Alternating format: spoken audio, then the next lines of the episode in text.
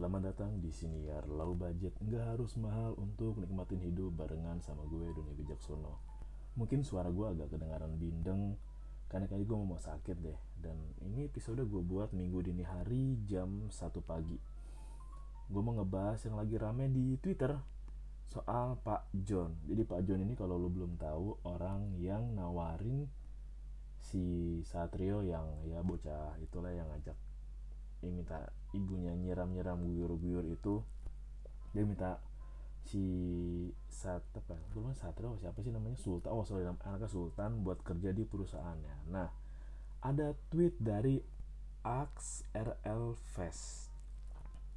Gini siapa di sini yang cita-citanya ingin punya atasan seperti Pak John? Di tweet tanggal 19 Januari 2023 jam 8 lewat 5 4,4 juta tayangan 609 retweet dan 1198 tweet kutipan dan yang like 3207 lu bayangin tweet ini udah sampai 4,4 juta tayangan. 4,4 juta orang yang nonton. 4,4 juta itu setara gue ingat waktu itu gue lagi ke Belitung. Nah di Belitung itu dijelasin bahwa satu pulau penghuninya ada satu juta.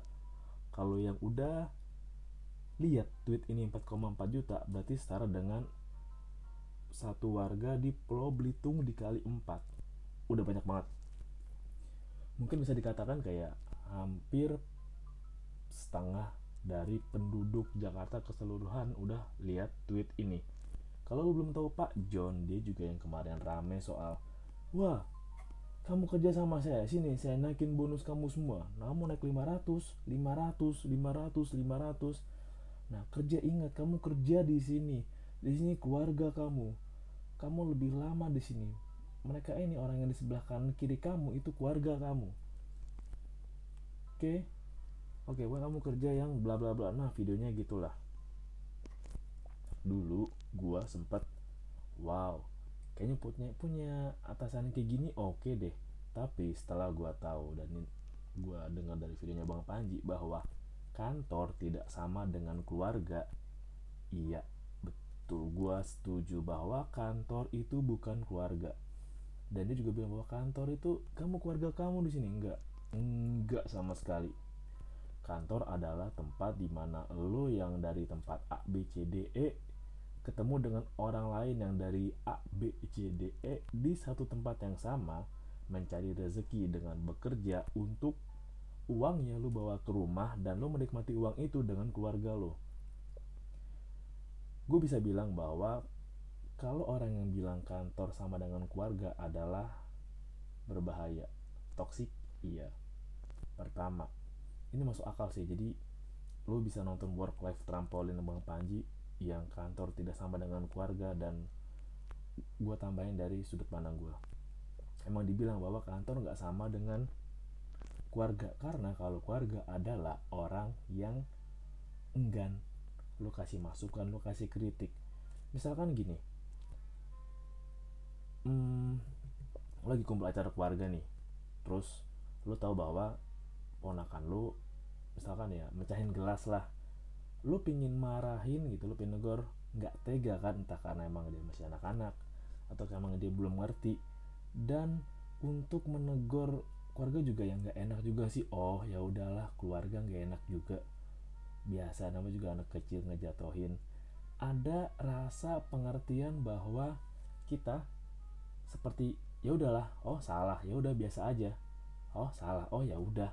Namanya juga keluarga oh nggak sesuai. Ya udahlah. Nama juga keluarga oh korupsi. Ya udahlah. Nama juga keluarga oh kerjanya asal-asalan. Nggak apa-apa lah. Nama juga keluarga ya enggak lo nyari gaji bukan buat nikmatin bersama orang-orang yang kerja sama lo. Lo digaji untuk menghidupi orang-orang yang tinggal sama lo yang tahu bagaimana lo dari kecil sampai sekarang dan itu yang benar-benar keluarga. Bahkan keluarga adalah orang yang benar-benar tahu punya peristiwa sama lo momentum sama lo. Nih ini pendapat gue apa kenangan yang bisa lo inget paling lo inget selama lo kerja?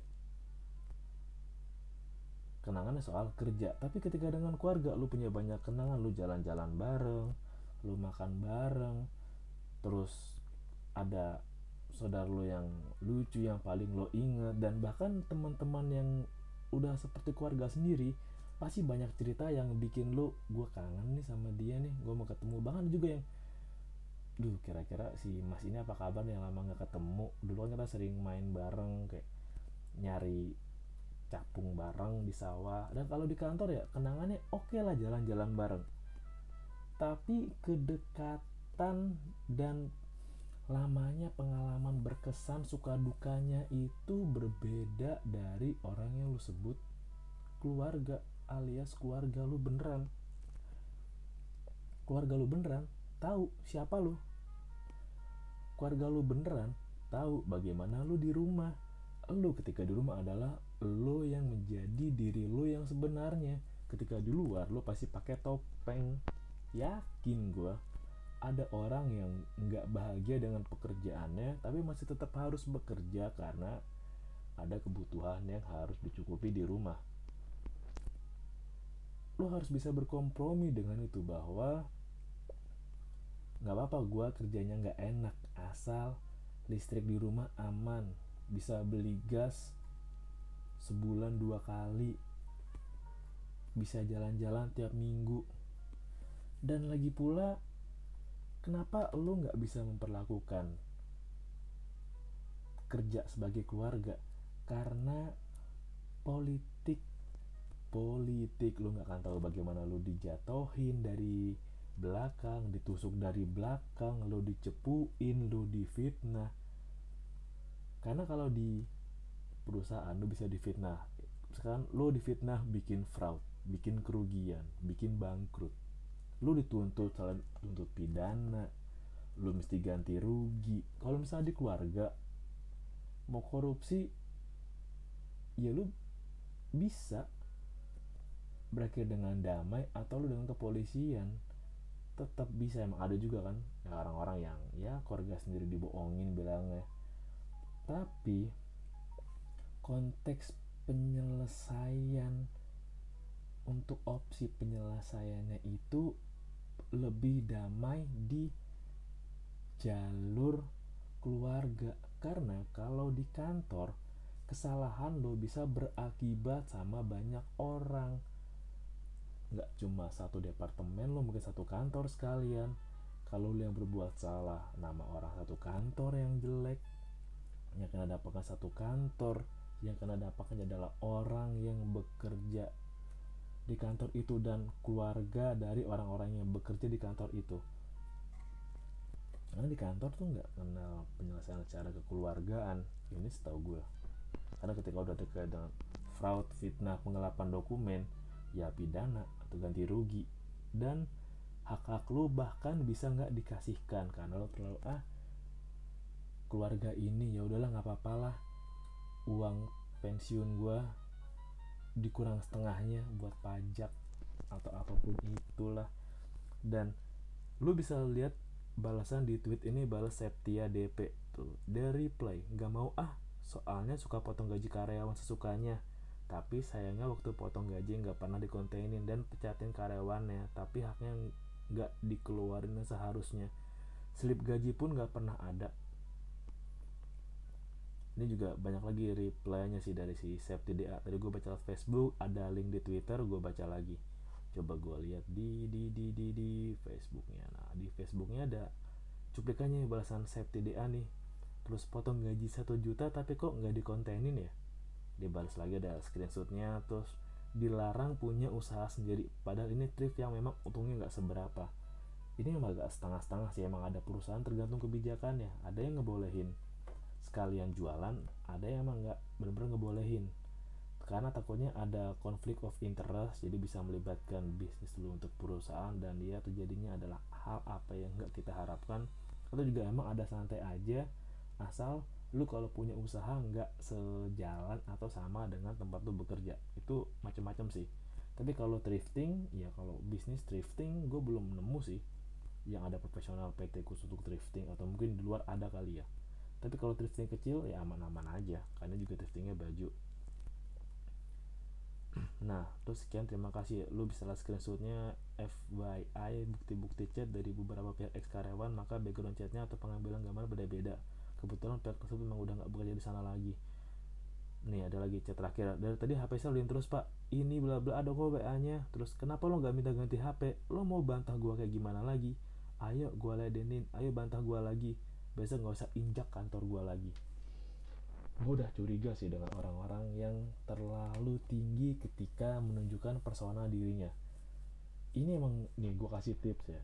Biar lu ini tips udah gue pakai lama banget dari awal gue pertama kerja awal pertama gue ikut usaha bokap gue ini prinsip yang bisa lu pakai di mana pun. Ini prinsip gue dapet dari film dan ini logis banget logis banget. Prinsipnya adalah satu sama dengan tiga tiga sama dengan satu. Ketika orang yang banyak ngomong banyak berkoar banyak memamerkan dirinya dari katakan tiga padahal yang bener cuma satu atau bahkan kosong. Tapi orang-orang yang kelihatannya sederhana biasa aja. Yang ngomong sederhana terus ya rendah hati itu malah orangnya bener-bener nilainya banyak. Jadi kalau lo di filmnya sih dibilang bahwa ya oh gue udah pernah pacaran sama tiga cewek nih padahal cuma satu atau bahkan cuma berani PDKT doang. Kalau misalnya ya iya pacar saya cuma satu nih. Padahal aslinya pernah pacaran ke banyak cewek gitu. Itu ngaruh banget. Banyak kalau orang udah terlalu jumawa itu pasti ada yang disembunyiin. Dan se manis-manisnya menyembunyikan kejujuran dia akan muncul lagi karena emang kejujuran. Dan ini gue dapet prinsip dari Pak Mardigu bahwa perusahaan itu adalah infrastruktur rezeki penyambung dari Tuhan untuk manusia lewat perusahaan. Kalau cara menyambungkan rezeki dari Tuhan lewat perusahaan ini salah, maka iya. Tuhan udah ngasih amanat ke lu nih. Tolong dong nih, lu bangun perusahaan, gue kasih rezeki gue perusahaan lu, tolong salurin sampaikan ke orang-orang yang membutuhkan, ke doa-doa para keluarga yang pingin bapaknya dapat pekerjaan lah, pengen bekerja dengan baik lah, udah dikasih tapi lu mengkhianati kepercayaan gue. Lu menyelewengkan kepercayaan gue amanat gue. Ya lu harus terima konsekuensinya. Orang apa yang gue titipin kalau ada rezeki buat lu sebagai penyambung gue untuk rezeki bagi-bagiin lah. Lu aja nggak menggunakan fungsi lu dengan baik ya ya pasti lu akan terima karmanya. Dan gue yakin bahwa ya ini pasti hmm, ini mungkin informasi baru setengah tapi kalau dilihat dari brandingnya kalau orang yang bisa baca bahasa tubuh orang yang bisa baca air muka itu pasti tahu deh. Dalam psikologis ada yang nggak bisa dibohongin Walau, makanya kayak tes psikologi ada panduannya lu bisa tes kayak lulus tes psikologi A B C D E tapi ketika wawancara ketika ngomong dari sorot mata kayak micro expression itu hal yang secara naluri terjadi dari alam bawah sadar lo dan itu bisa ketahuan apa yang sebenarnya terjadi. Dan hmm, mungkin emang ada di luar sana perusahaan yang menganggap seperti keluarga dan emang bener-bener dirawat seperti keluarga. Beruntunglah kalau lo bekerja di perusahaan seperti itu. Beruntung banget lo jaga memang. Tapi ingat bahwa keluarga lo yang sebenarnya adalah mereka yang menanti lo di rumah. Mereka yang mendoakan lo agar selamat di jalan. Mereka yang mendukung lo meskipun orang di luar sana nggak percaya sama lo. Mereka yang merawat lo ketika lo sakit mereka yang tetap memberi dukungan ke lu berusaha agar lu tetap semangat kerjanya. Orang-orang yang terima bahwa oh iya hari ini bulan ini gaji aku kurang karena aku dapat sanksi bla bla bla dan ikhlas nerima itu baru keluarga. Kantor enggak sama dengan keluarga. Jadi ya lu kantor buat bekerja ketika lu memutuskan kantor menjadiin keluarga lu risiko yang harus lu tanggung untuk sangat-sangat besar terutama risiko lu dibodoh-bodohin.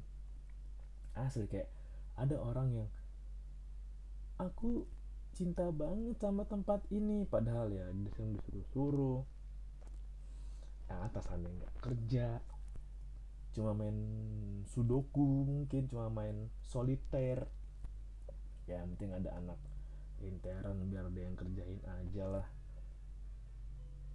Ah ada dia ini biar dia aja ngerjain lah. Dia mampu kok. Terus bilang jalan-jalan.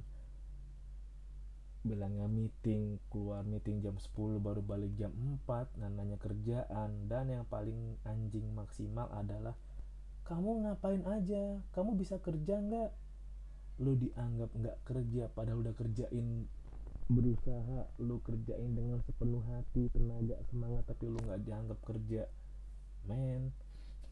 Berisiko emang kalau lu bekerja di tempat yang menganggap karyawan adalah keluarga. Mungkin kalau keluarganya kayak Fast and Furious I don't know. Balapan nggak nggak tapi emang sudut pandang gue adalah kantor nggak sama dengan keluarga dan lo yang harus nentuin keluarga lo seperti apa. Bukan kalau di kantor kan lo terima nih ada orang ya kasar kata ada orang random. Ih ada orang baru nih dari B. Oke okay, keluarga baru welcome W. Terus ada ih ada orang di divisi C ini ih orang baru. Ayo kita anggap keluarga. Ye enggak lah. Lo yang pilih. Lo yang pilih. Dan satu kata yang harus lo waspai adalah kita berlayar di satu kapal yang sama. Enggak kapalnya enggak sama? Enggak lu berangkat ke tempat kerja lu naik motor panas-panasan pakai jaket atau lu naik keretaan desek-desekan atau lu naik busway yang sesek banget susah dapat pegangan dan mereka ada yang kerja naik mobil pribadi ada yang disopirin. Beda beda. Yang bisa disebut sama adalah kalau lo mau mengikuti visi yang ada di tempat lo kerja. Visinya jelas cara pencapaiannya jelas terukur. Ada reward jika step by step target dari visinya tercapai. Itu baru bisa bukan kapal yang sama tapi ke tujuan yang sama. Tapi lo hati-hati lagi ingat bagaimanapun kehidupan lo yang sebenarnya adalah di luar pekerjaan. Lo mendefinisikan definisikan diri lo adalah di luar pekerjaan. Siapa lo sebenarnya adalah lo di luar dunia kerja. Siapa lo yang sesungguhnya apa yang lo minati apa yang lo sukai adalah lo di luar pekerjaan. Kalau emang lo suka bekerja good. Bagus buat lo lo tekunin untuk mencoba karir yang bagus punya gaji yang bagus dan hidup di sampai pensiun. Nggak masalah oke okay kok pilihan lu bagus. Pun juga orang yang oke okay lah gue kerja kerja tapi gue berkarya berkarya gue berkarir untuk diri gue sendiri di luar pekerjaan oke okay lah. Ketika lo bekerja orang lain hormatin orang yang memberikan kesempatan buat lo bekerja. Lo hormatin lo jaga kepercayaan itu. Dan buat lo yang masih berusaha berkarya di luar pekerjaan lo tetap lakuin aja lakuin bahwa banyak warna baru yang bisa lo raih lo dapetin untuk menambah warna dari apa yang lo lakukan sekarang di pekerjaan. Kalau emang lo ingin berkarir di pekerjaan lo sampai dapat level tertinggi dapat level GM CEO bagus terusin. Banyakin pengalaman lo pengetahuan lo seluas mungkin dan sedalam mungkin. Setiap pilihan punya pengorbanan. Tapi ingat ada keluarga yang menunggu lu di rumah dan jangan sampai lu mengecewakan keluarga lu dengan nggak memberikan waktu untuk mereka. Terima kasih udah dengerin senior gua episode ini dan salam low budget. Nggak harus mahal untuk nikmatin hidup